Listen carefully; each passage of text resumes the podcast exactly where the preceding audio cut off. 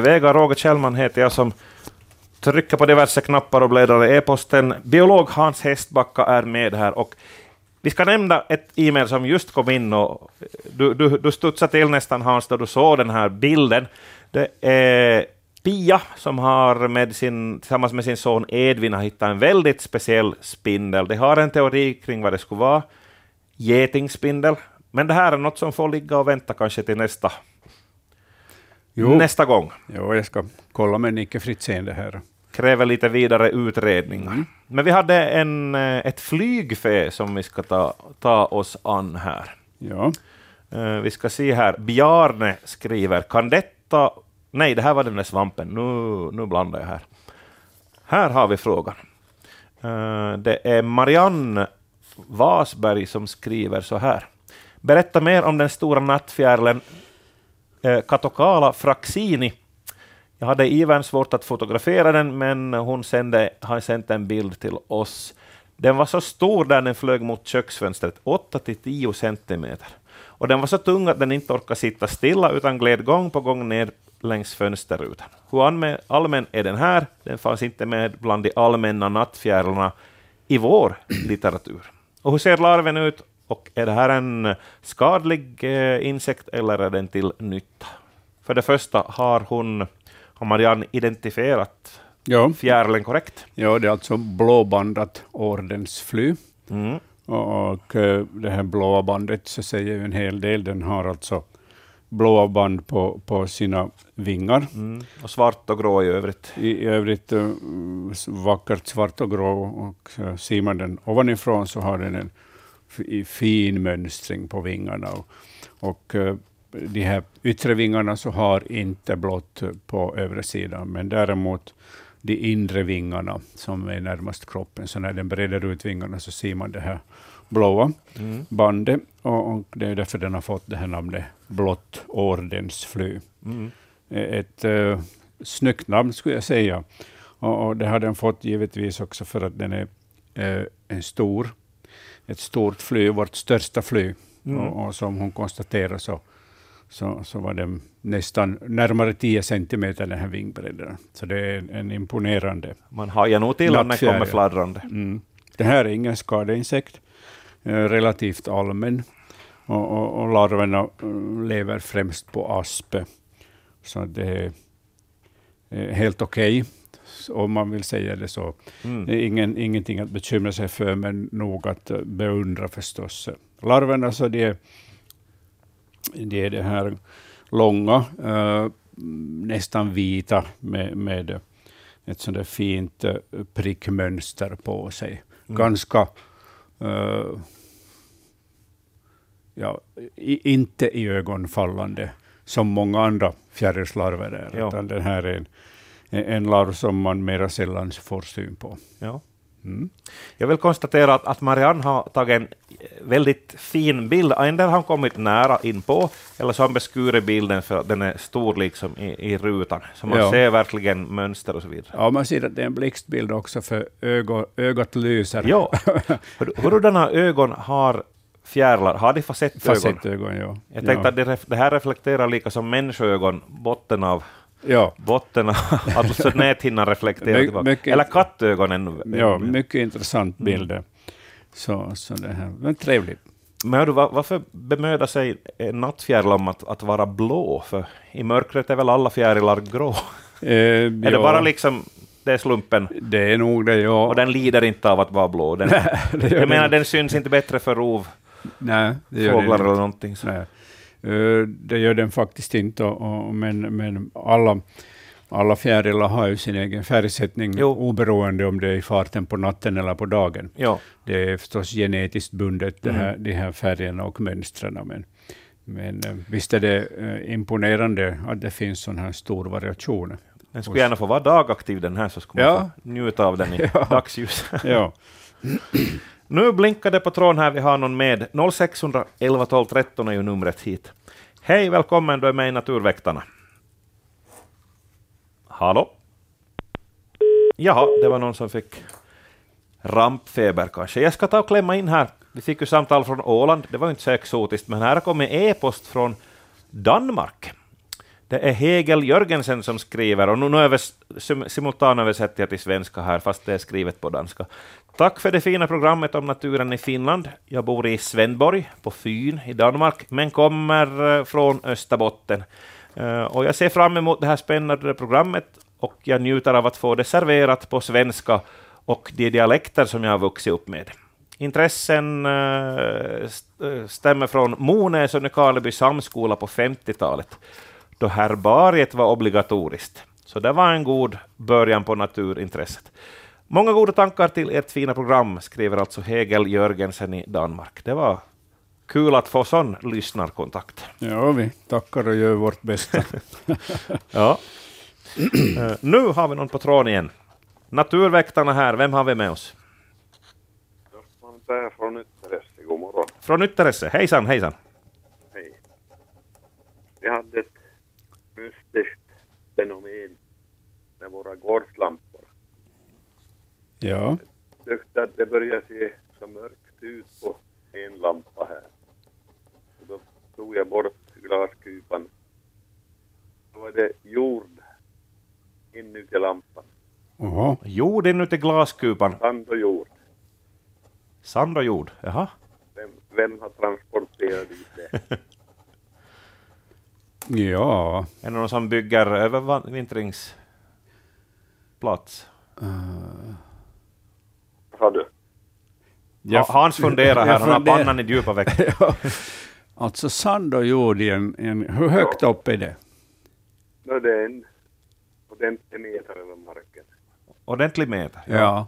Hur stora öppningar finns det dit? Ja, det är nog bara några små hål. Ja.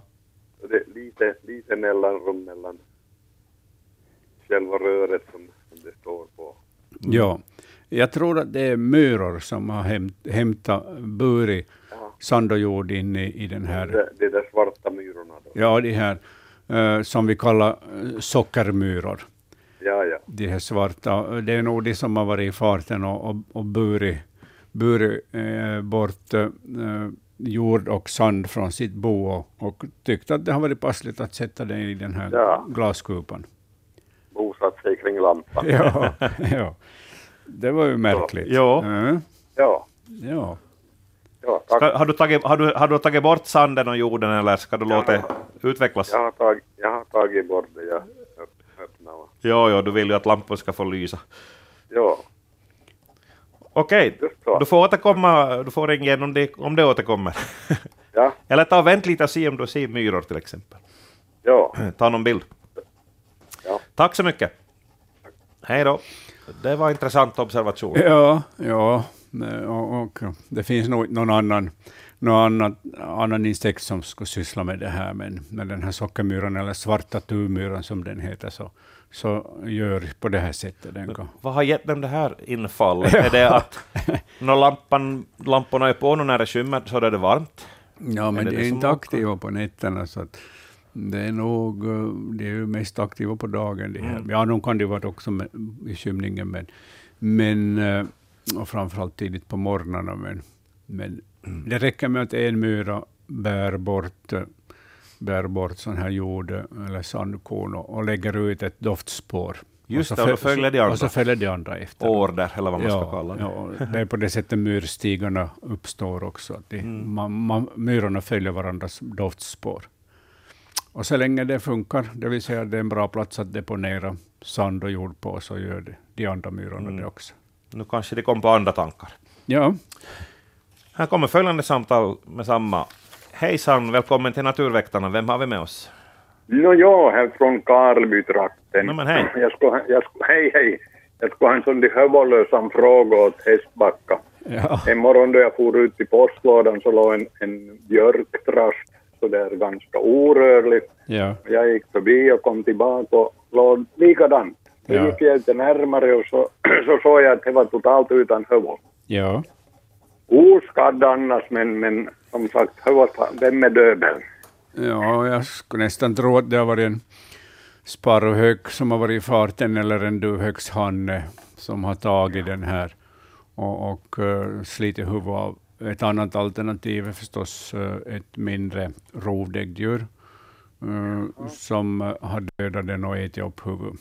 Huvud brukar, vara det, för, huvud brukar vara det första som stryker med nämligen. Ja, totalt orörd allt annat, bröst och vingar och, och allt Ja. det här, men Ja, huvudet var bort. ja. Uh, nu, nu såg det ut som det skulle vara liksom avklippt eller avslitet. Precis, avklippt direkt som en Ja, sax eller något. ja, ja, ja. Jag tror nog det är en, en hök som har gjort det. De. Och de kommer så där nära gårdar och Jo, jo, de kan jaga inne bland byggnader ja, på gården. ja, vi har en så ganska stor gräsmatta och här är mycket rastar som Ja, stickar maskar. De, de går ju och lyssnar. ja de gör det. Mm. Här var lite på sned och så, så Ja. pickar de. Ja, det är intressant att följa med hur otroligt skickliga de här trastarna är att hitta, att hitta eh, och få tag i de här Ja, dagmaskarna. för igår kväll var det otroligt många, kan närmare 50. Och, och, och det här, det blev ganska mörkt sådär en sextiden och det Ja. var ganska länge trots att det var skymning. Ja. Så ja. Mm. Tack för det här. ja. Tack ska du ha för att du ringde. Tack för en bra program. Ja, tack. Tack. tack. Det är ju ni lyssnare som gör programmet med era kluriga frågor. Vi ska se vad följande har på gång. Hejsan, du är med i Naturväktarna. Hej, hej. Det är Mats här från Hummelskär. Hej. Jag ringde lite när det gick av och så blev det något strul där på linjen. Men Ja, hör du, ja. jag skulle fråga en sån här sak att eh, det handlar om stackmyror Ja. och stackmyrornas öde Ja. vid kalhuggning och Mm. andra större avverkningar. Att det här, här på holmen och i trakten finns det väldigt fina myrstackar. Ja. Och det här, nu om man då avverkar vidlyftiga mängder skog och annat, så vad händer med de där myrstackarna? Kommer de att förintas på grund av svält eller vad händer med dem? Ja, en del kommer nog att förintas och andra minskar i storlek. De, de, de här stackmyrorna som eh, har ju eh, bladlöss som Ja. sin boskap och, och när man hu- hugger ner träden så försvinner ju den viktigaste födokällan för, Ja, för ja. Det har vi ju märkt att på björkar och Ja, rönnar så de, och vi har en ek också här på, ja, på holmen så de, de, de har fullkomliga avenyer ja, havan som de går. Sen när de äter så fäller de ner sig på, på marken. Att det, här, det är ganska intressant att se hur det går till. ja, ja. Just det, okej. Det här, men, hur lång tid kan det då sen ta om att de här myrstackarna att igen komma in och, ja det och så kan, att säga erövra sina förlorade områden? Ja, det kan till och med gå så, så dåligt att, att, att de tynar bort de här sam, samhällena. Så Ja. man borde ju lämna förstås en grupp träd uh, åt eller kring de här myrstackarna så att Ja. de skulle ha skydd och också kunna ha sina bladluskolonier i träden. Ja, just det. Ja, det kan till och med gå på det sättet att det vandrar in andra myrarter istället i det här området. eh, Som, som är kalhugget eftersom stackmyran är, är anpassad till den slutna skogen. Ja, just det. Ja. Ja, ja. Ja. Okej, det här... De lever ett hårt liv i, i dagens skogsbruk. Ja, det är ju ganska besvärligt det där. Ja, Hur, hur gammal kan en myrstack bli? Vi har nu bott där över 20 år på den här holmen och inte har vi nog märkt något att de skulle dö ut på något sätt. nej, de kan nog bli mycket gamla. En uh, myrdrottning kan ju bli 20, i bästa fall 30 år. Jaha, Och, och eh, hon kan ju bytas ut mot nya och fräscha sen när hon eh, börjar när, närma sig ålderns höst. Så, att, så det kan, nu, nu kan jag inte säga hur gammal en myrstack kan bli, men, men nu har man ju hört om myrstackar som, har funnits på plats eh, i, i två människogenerationer och fort, Ja, ja. fortfarande lever. Så länge de här naturliga förhållandena finns kvar och, och bladlössen finns i behåll så kan ju samhället fortleva. Just så. Ja. Det är då främst bladlöss, ja naturligtvis. Ja. Nej men det här var Ja. bra att veta. Mm. Tack så hjärtligt. Mm, ja. Tack ha. Tack, tack. Hej då. Tack, Hej då. Intressant. Just det, nu ska vi ta den vackra, randiga skalbaggen som Camilla har sänt in. Så här skriver hon. Jag undrar vad det här är för en citat Bagge, eh, den är lite större än en nyckelpiga och har ett ganska så mjukt skal. Jag har plockat bort rätt så många från mina palsternackor som jag fortfarande har i landet, hälsar Camilla. Och palsternackorna var kvar ännu den 26 september då hon sände in den här frågan. Och de här fina bilderna, en färggrann sak.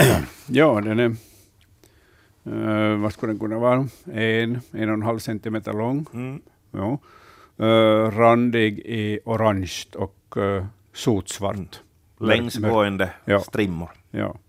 Ja, det, det här är alltså en skinnbagge, en bärfis.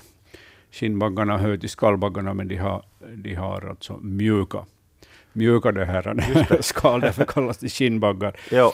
Och, och bärfisarna så har ju ett mycket, mycket det här talande namn. De lever ju eh, på växtligheten och, eh, och också i, i bärbuskar, där de då kan eh, sätta smak på, på de här bären med sin, med sin lukt, de här bärfisarna. Ja. Och, och, den här är en, en kallas strimlus och, och förekommer en, en av de många eh, bärfisearter som vi har. Mm. En mycket iögonfallande, många, många bärfisar är ju betydligt, betydligt mer kamouflerade. Men det här är ju då alldeles tydligt varningsfärger eh, för fåglar att försök inte med mig, att jag har ingenting att, eh, att hugga in på. Inte. Mm. Då fick vi det besvarat. Mm. Ska vi ta Ska vi ta den här stackars fisken då som också kom med i posten? Ja, Sjuk gädda är rubriken. Det är Gretel som skriver så här. Söndagen den 15 september fångade jag en eh, 2,5 kilos gädda med kastspö. Gäddan var kraftig men visade sig ha två märkligt stora yttre bölder. Den ena var bakom analöppningen och en i stjärten. Och gäddan är fångad vid Hästö i Porkkala.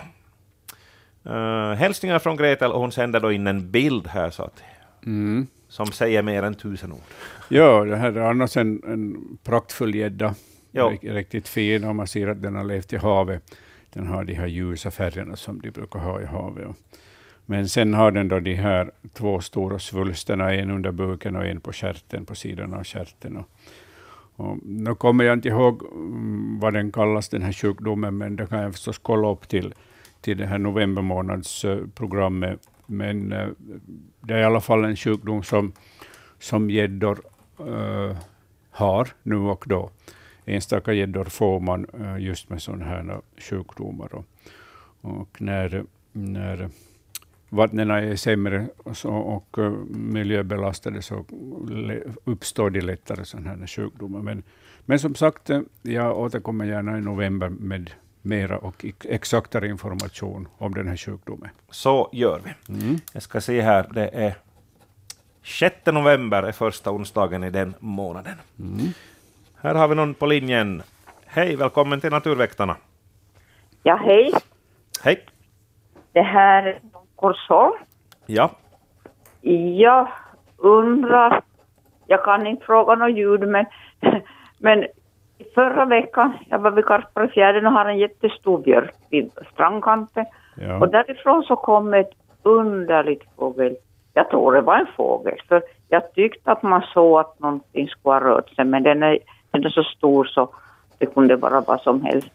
Men det var det där ljudet, jag har aldrig hört något sånt. Och det var därför jag ringer, för jag tänkte på rördrommen, för vi har ju en, en södra änden av Karlsborgsfjärden. Ja. Mm. Och den har jag hört i sommar. ja.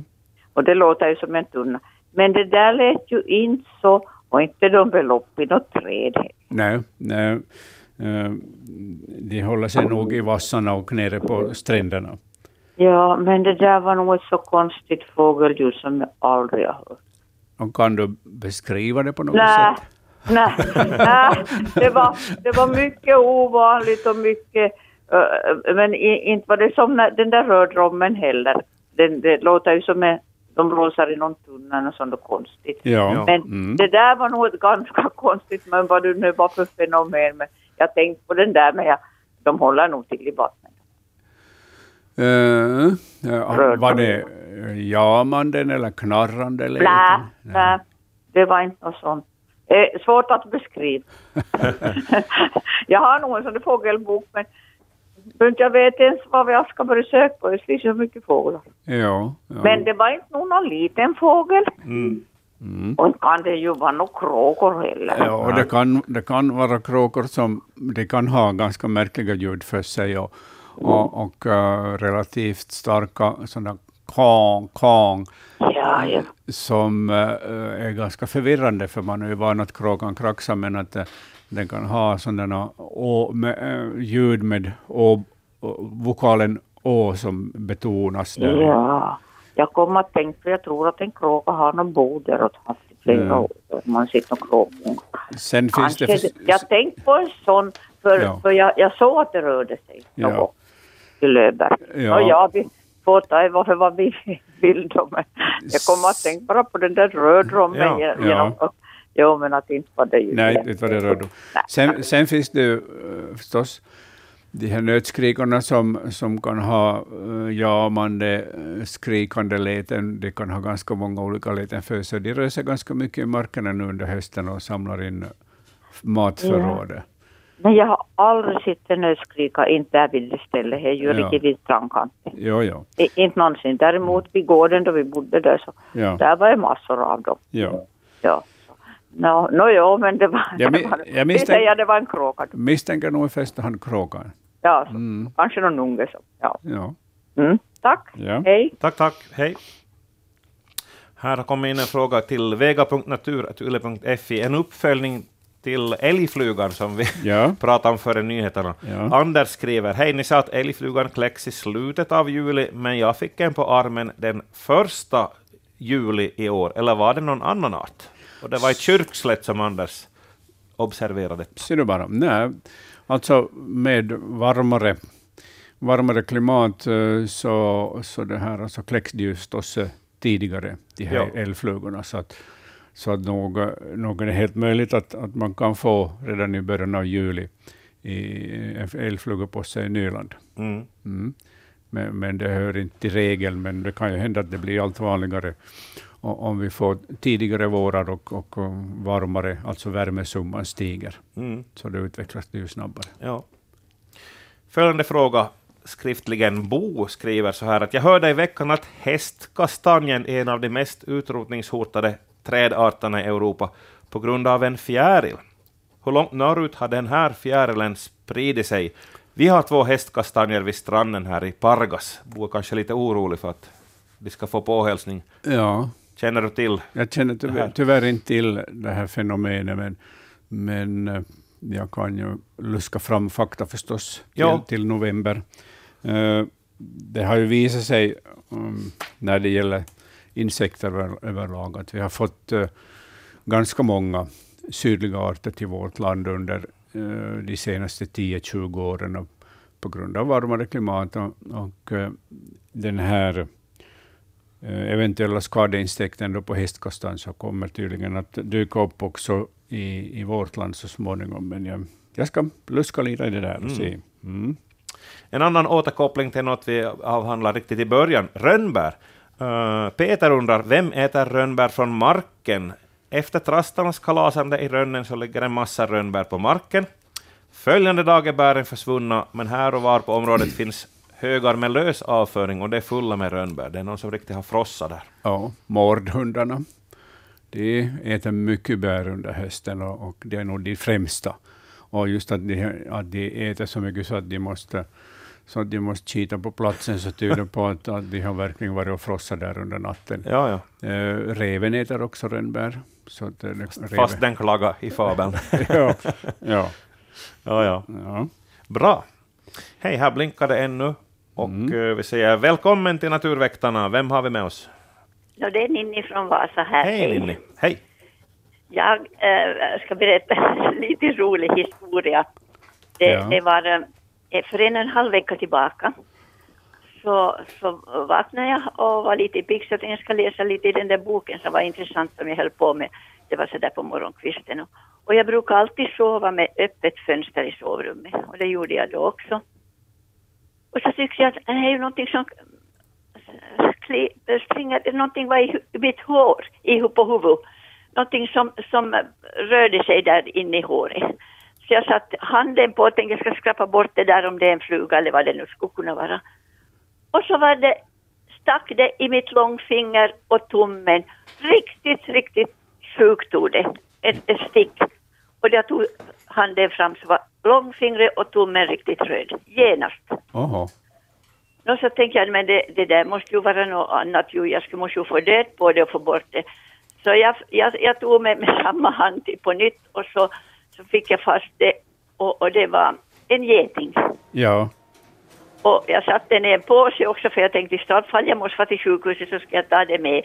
Men inte behöver jag det. Det, det, det var nog rätt en dag och så gick det över. Ja. Och, och inte var det värt det nog precis heller. Men, men att det var precis när jag tog handen från huvudet så var det långfingret och tummen helt röd där han stuck. Ja.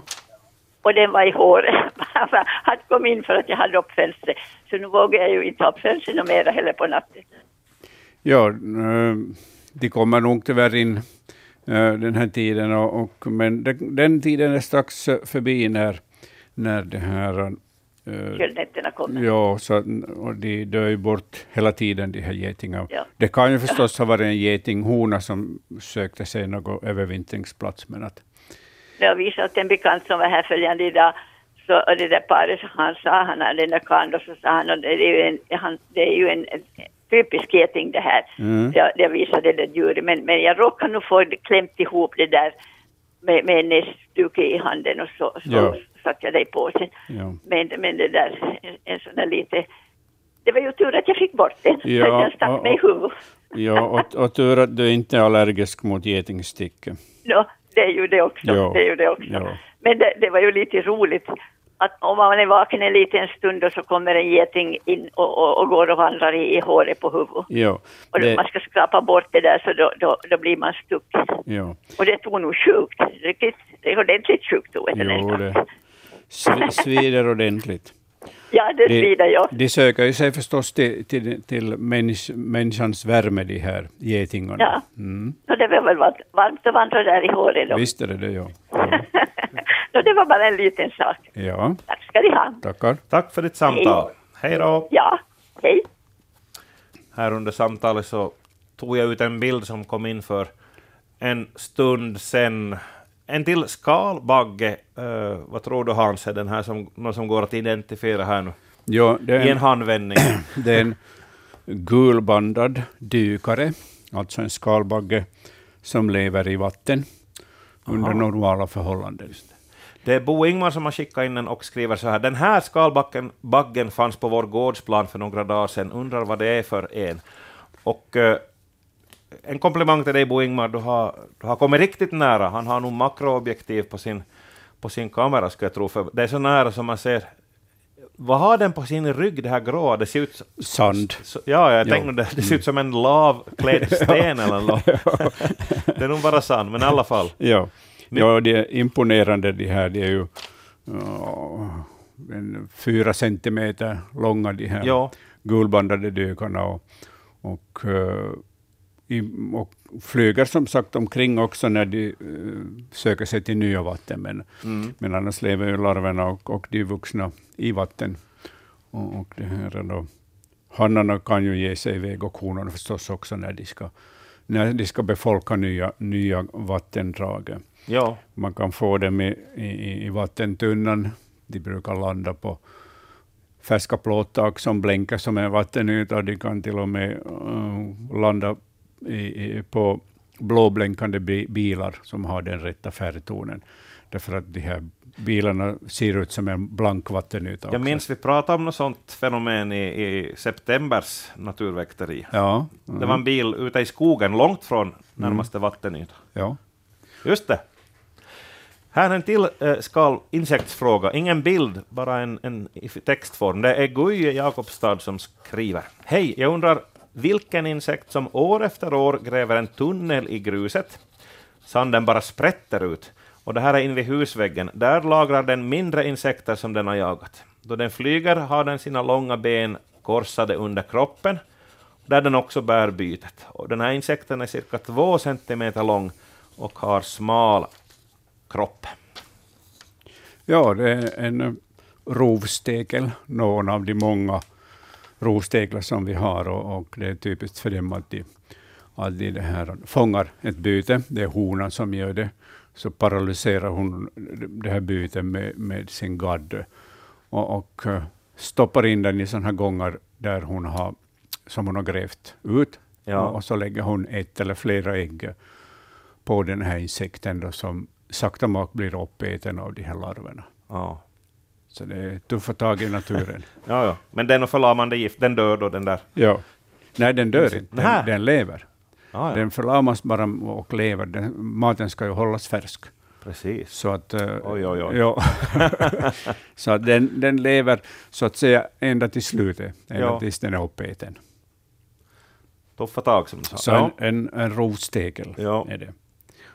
Så en eh, växtbekämpningsfråga, eller vad man ska säga. Svampar är svåra, svåra att identifiera, om man inte är riktigt mykolog, men det här kanske vi kan besvara. Eh, Maria undrar, jag undrar hur man blir av med vit bläcksvamp och andra svampar från gräsmattan. Vi har mängder av de här vita svamparna och de kommer igenom gräsmattan så att delar av mattan lyfts upp. Och efter att man har grävt bort svampen så blir det bara hål kvar. Finns Ja. det något tröstens ord att ge åt Maria? Ja, om man nu vill bli av med de här bläcksvamparna, som ju är oerhört fina den, Ja. först, den första och andra dagen, så, så måste man ju ta bort all jord och, och sätta nytt, därför att svampmyceler finns ju uh, utbrett i, i jorden. Jo, I, och det här och, och så det, det, det som kommer upp ur jorden, det är ju bara de här fruktkropparna. mm, kronan på verket. Kronan på verket, ja. Ja, så att eh, försök njuta av, av dem. Jag vet att de blir, de blir ju sliskiga och eländiga sen då de dör. De här. Ja. Och, och sen blir det en sån där svart sörja på gräsmattan. Men, Mm. men vill, man, vill man bli av med dem så då måste man, eh, måste man faktiskt eh, byta jorden helt och Mm. hållet. Finns inte någon mild bekämpningsmetod? Eller det gift? Någon gift är väl inte att Nej, rekommendera gift- för nej, någonting? Det, givet- det dödar ju allt. Det. jo, jo.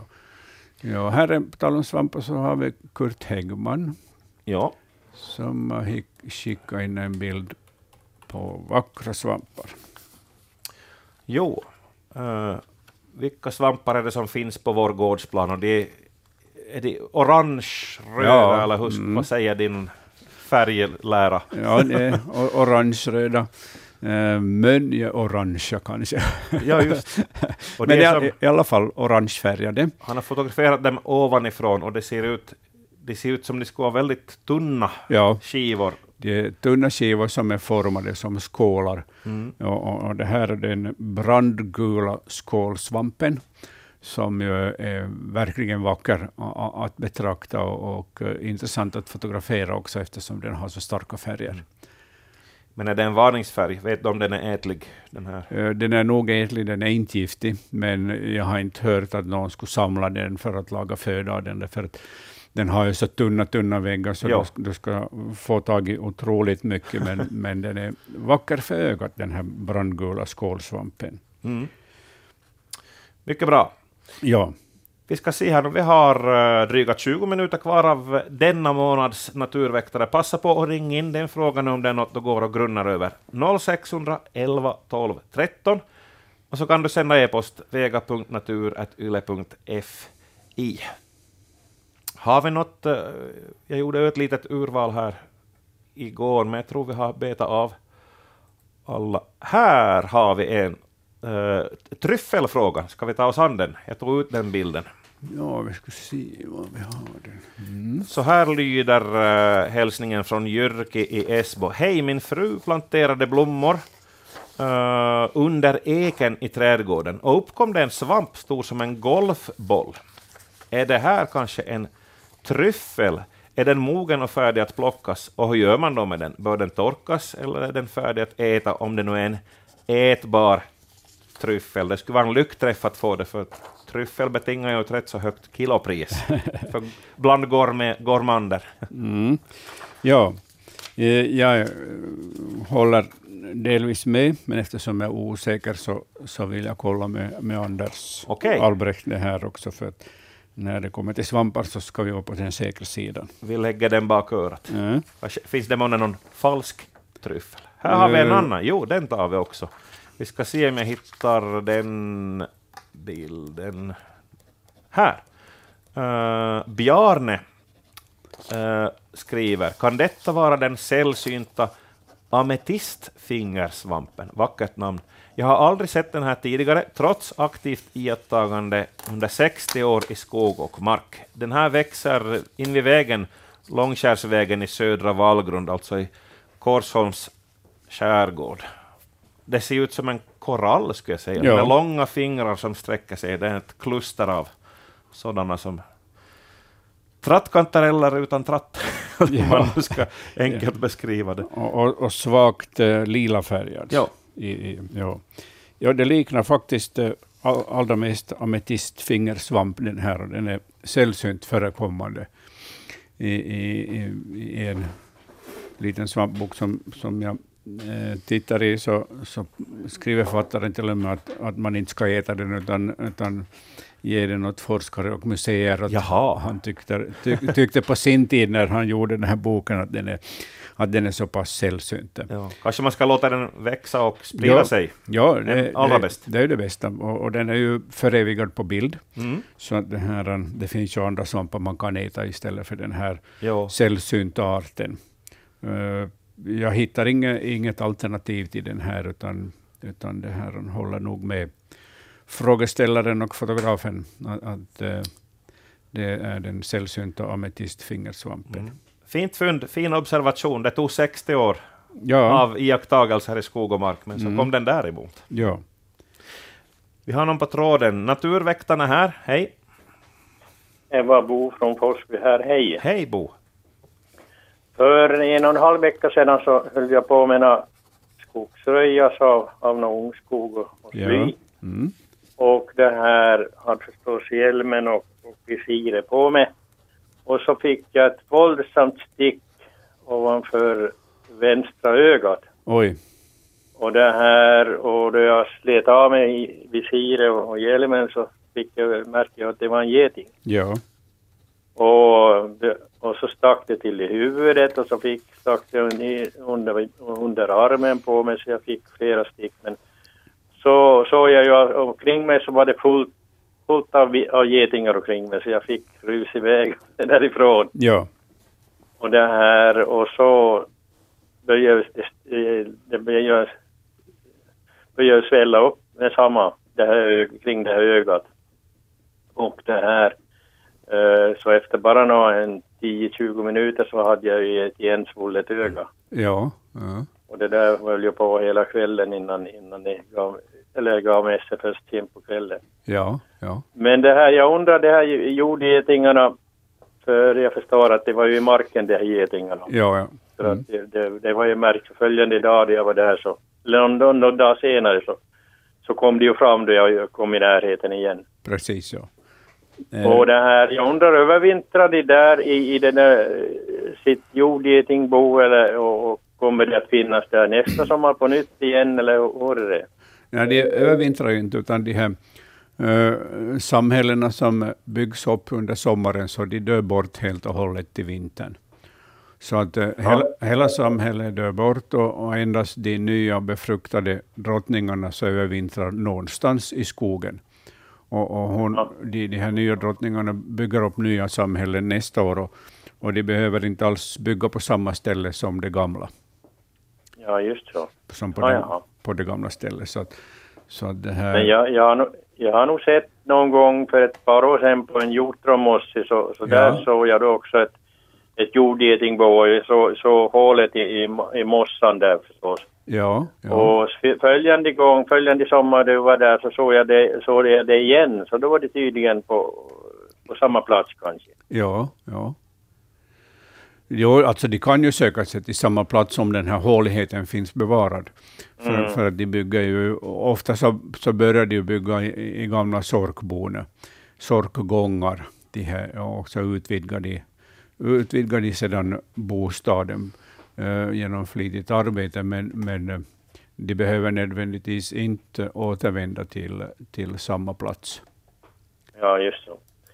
Så ska jag fråga en sam, på samma gång en sak till. På samma område där jag nu har, har det här röjt så, Ja, så har vi varit mycket hallonbuskar ja, och min fru har plockat massor med hall, vildhallon där i, i höst.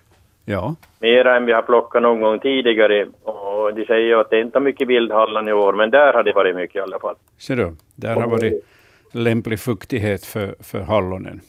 Tydligen jo. Men jag undrar, nu har, nu, vid hallonen i år så har man ju nästan inte sett någon mask. Nej. I, emellanåt kan eh, hallen vara angripna av, av maskar och, och det här ganska mycket. Och det här, eh, vad beror det där på? Och vad blir det här maskarna sen? Blir det några insekter av något slag, det här hallonmaskarna? Ja, det blir små fjärilar av dem och, och, och eh, mm, nu kommer jag inte ihåg namnet på det, men, men alltså det, det är en insekt som periodvis eh, lever på, på det här hallon, på bären. Och, och, Ja, och, eh, man har ju ätit, under årens gång så har man ju ätit ganska mycket hallonmaskar med hallon som proteintillägg. Och lyckligtvis så, så eh, har det ju inte en jämn förekomst, de här, den här insekten som, som lever på, på, på hallon, utan vissa år bara.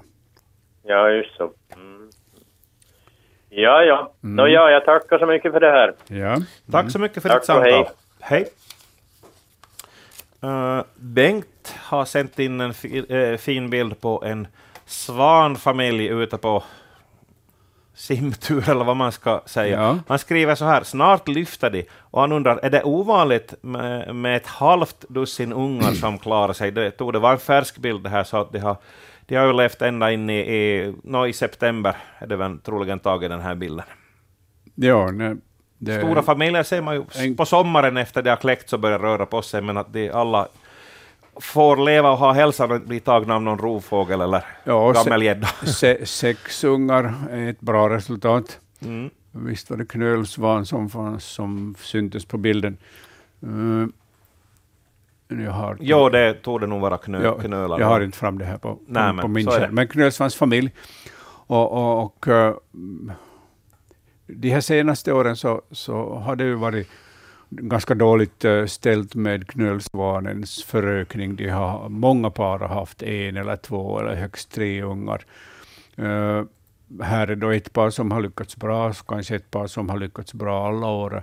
Sex ungar är bra och eh, åtta ungar är ju verkligen tufft att, att klara av. Så att, eh, visst är det ett gott resultat. Jo, Och, och det här är då ungar som kommer att lära sig flyga nu under hösten, så att de klarar av flyttningen sen till sydligare trakter. Mm.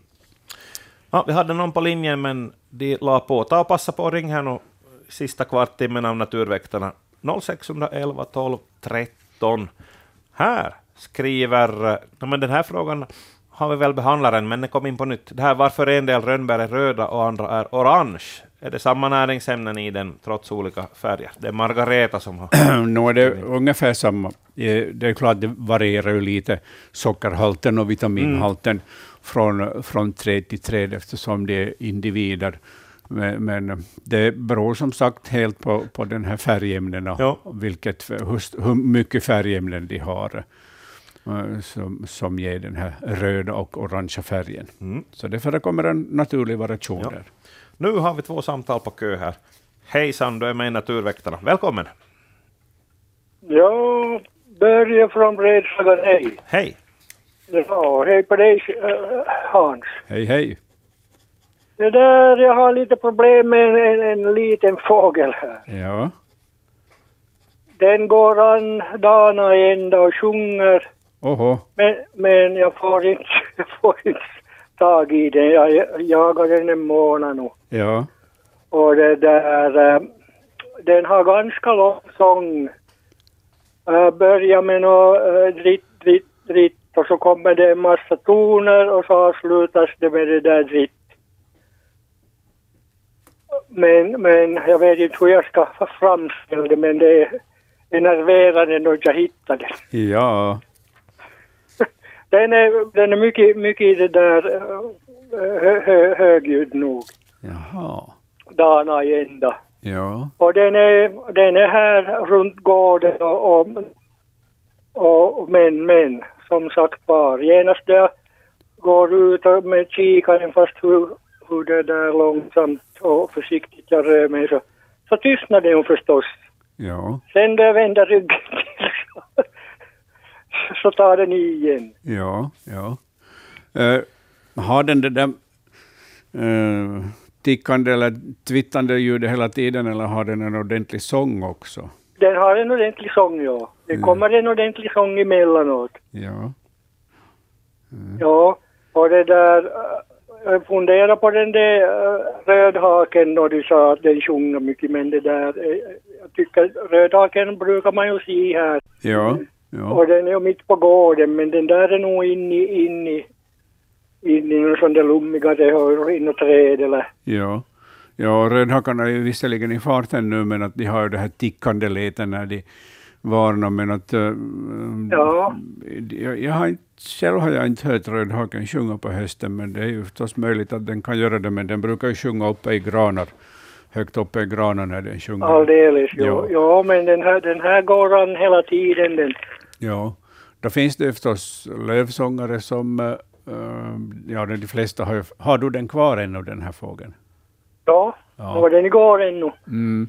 Och Lövsångare, idag också förstås, ja. lövså, ja. lövsångarna har ju nog flyttat bort, eh, men de brukar ju sjunga på hösten, men de har ju en sån där, eh, en sån där mjuk melodi, eh, lite vemodig, eh, skönt Nej, vemodig. men det, det är det nog inte. Ja, utan det är mera temperament i det. Det, det är mera det, ja. Ja. ja. Ja, Ganska. Det... Kristina lä, läste ju här i Ja. tidning om, om... Men vad var det någon... Ja, hör, vad var det för sångare? Var det gransångare eller något No, gran, gransångaren så den sjunger ju flitigt på hösten, men den har bara en enkel sång som salt, silt, salt, silt, silt, silt, salt. Ja, nej, så stod det, så, så stod det där. Ja, Ja. nej, inte det det. Det är en sån där enkel och enformig sång, så, Ja, ja. så det, det måste vara någon annan det där som... som Det är någon annan och det är den vetande. ja, mm, jag, det. jag tänkte på gärdsmygen, det skulle kunna vara ett alternativ. Ja, ja den är sitt här nog Ja. kanske. Och den håller gärna till eh, lite i snår och, och vid rotvältor och sånt där. Och, och, och, Ja, och, de finns ju här i Karlsborg. Ja, och, och de har ju temper, en temperamentsfull sång. Jag skulle nästan hålla ett, ett kort på, på gärdsmygen. Jaha, just ja. Mm. Nå, jag måste försöka få, få tag i, i det där, den här, den här. Ja, rariteten som inte... Men det där... Det, det är ju trevligt att den sjunger, men jag vilja veta vem det är. ja, så brukar jag ha det också, att jag vill veta vem som sjunger. Ja. Ja. Oberoende om det är falskt eller inte. Ja, ja. Okej, nå ja, no, men vi tackar och du Ja. har det så bra. Jag ska fortsätta försöka få tag i det. ja, ha det bra du, Börje. Ja, tack Ja. detsamma. Hej. Ja. Tack, hej. Och jag tar raskt in följande samtal här. Hejsan, välkommen till Naturväktarna. Vrider du ner volymen på radion? Ja, jag vred ner Sådär, den bra, tack. Jag, jag, jag har försökt ringa men det har inte svarat. Så har Ja, vet du, här är eh, många på kö, vet du. Så. Ja, ja, just Du hann fram inom sista tio minuterna, du hade tur. Just så. Nå, ja, det där han... eh, Jag tänkte om den där gäddan som, Ja. som det, Mm. det är långt att vänta till november. Ja. Så jag passar på att gå på Google här Ja. lite och där menar de att möjligheten skulle vara lymfosarkom. Ja, mm. ja. Hur, hur låter Det, det? det låter mycket bekant, ja. Mm. Ja. Alltså är jag i sändningen nu? Ja. Du är med Du är i sändning, Naturväktarna, ja. Just, just så att man vet vad man säger. Ja, ja. Ja, och sen, sen föreslår de här att, att det kan vara lekskador om det är direkta sår, men, men den här är såna här bölder. Då, den ja här det är en böld, ja. Mm. Så att på det sättet. Men sen tänker jag, men det här svamparna, så i Ingo har jag ju en sommarstuga och, och där gick jag och, och sökte och, och så jag är nog nästan säker på att jag kom på en lömsk uh, flugsvamp där. Ja. Mm. Ja, det där. Vilka rapporter har man om dens förekomst? Den lär ju ska vara på det där Åbotrakten väl allmän och och var det Åland men, men annars är det mera sällsynt. Ja, men den förekommer nog i södra, södra delen av landet i alla fall här och där, men, men inte i, Ja. i större omfattning. Inte i större omfattning, Nej. nej. för Jag tycker nog jag har aldrig sett den tidigare. Ja. Mm.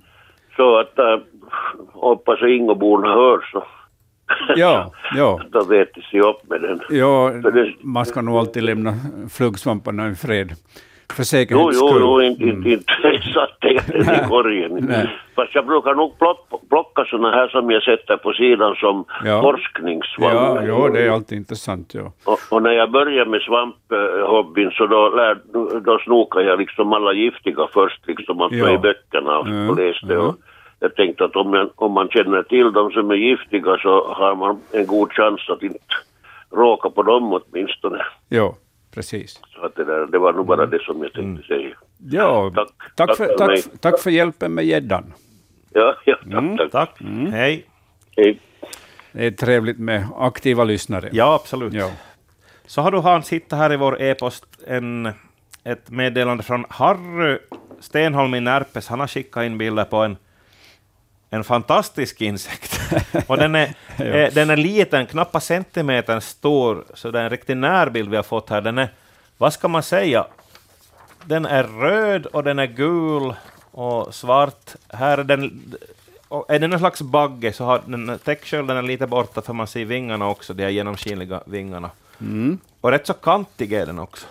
Ja, det här är en annan skinnbagge, en annan art bärfise. Vi hade ju en, en eh, kraftigt randig, Ja. eh, va- varningsfärgad tidigare i programmet, och, och, och det här är då en annan av de många bärfisearter som finns. Mm.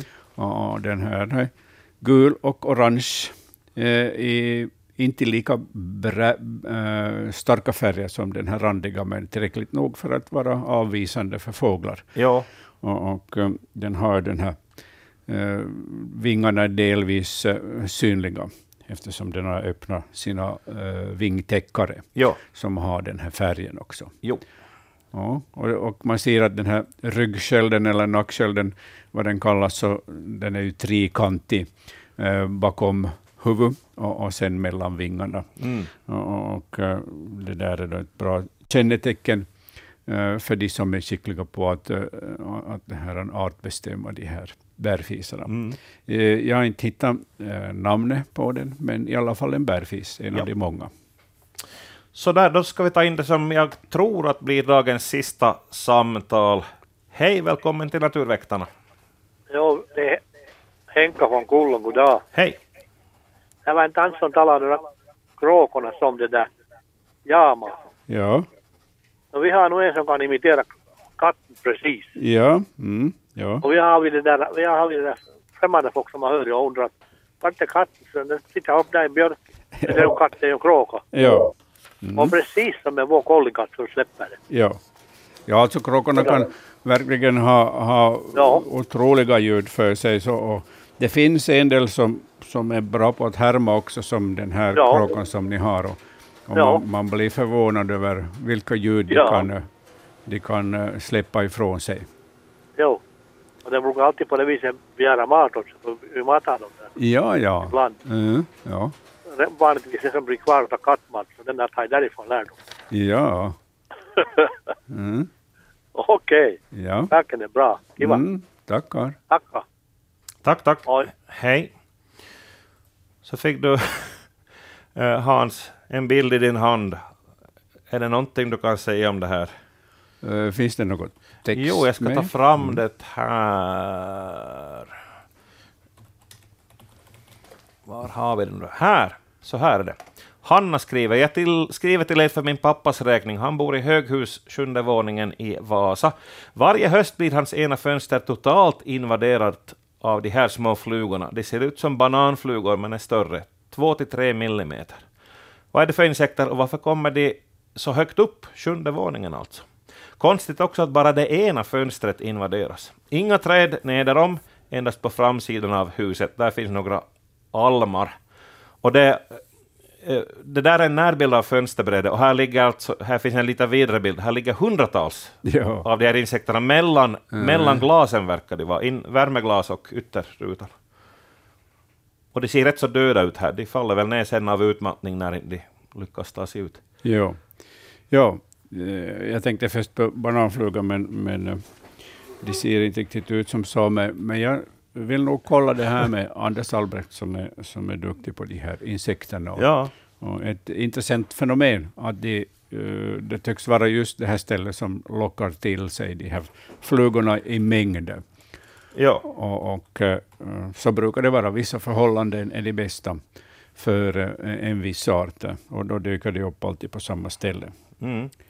Men Vi har knappt två minuter, så vi avrundar med en enkel kanske fråga. Inte vet jag. Det är Rickard som har skrivit in och se, ja, säger att han, han ser mycket brännässlor där han är ute under sina promenader. Och han undrar kort och gott varför finns brännässlorna och varför bränner de? Det är väl såna gla, gla, små glasaktiga piggar de har, så mycket vet jag om brännässlor. ja, de har ju brännhår som bryts Ja, vid kontakt och sen sticker stick, den här brutna eh, toppen då så tränger in i huden och sen kommer den här uh, brännvätskan uh, i... är det någon form av syra? Eller Ja, ja. Ja. Och de har det här därför att eh, de ska få vara i fred. Det är mycket näringsrika växter, Jo. de här brännässlorna. Skulle de inte ha de här stickhåren, brännhåren, så skulle de bli uppätna Mm. fullständigt.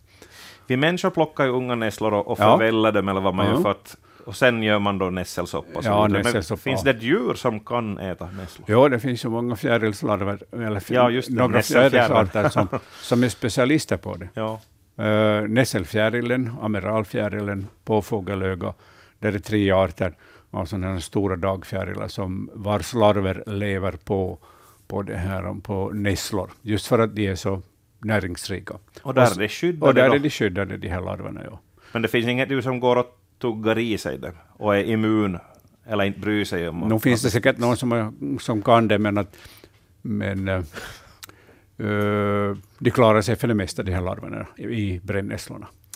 Nu får vi helt abrupt avbryta. Tacka ha, biolog Hans Esbacka för denna omgång av Naturväktarna. Onsdag 6 november är vi tillbaka med nya frågor kring djuren och, och natur. Sänd in frågor på vega.natur.yle.fi.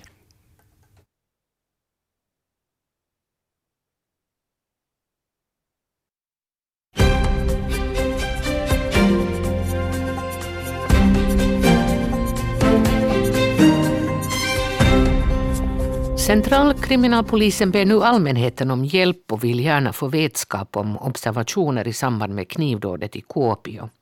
Man ska ta direkt kontakt med polisen.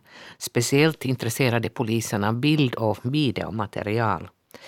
Det är många Kuopiobor som efter gårdagens knivdåd känner sig både chockade och rädda. Den här flickan hade själv just kommit hem från skolan och tänkte på sina kompisar som går i samma yrkesinstitut där skolattacken hände. Hon känner rädsla. Kyllä mä olin aika kauhuissani, kun mä olin juuri tullut koulusta ja mietin vaan, kun mun ystäviä on tuolla samassa Abiskassa, niin jotenkin kauhistuttaa ja pelottaa niin liikkua täällä. Sitten kun on ollut näitä valeuutisiakin. Että tippa silmässä on ollut tässä hieman.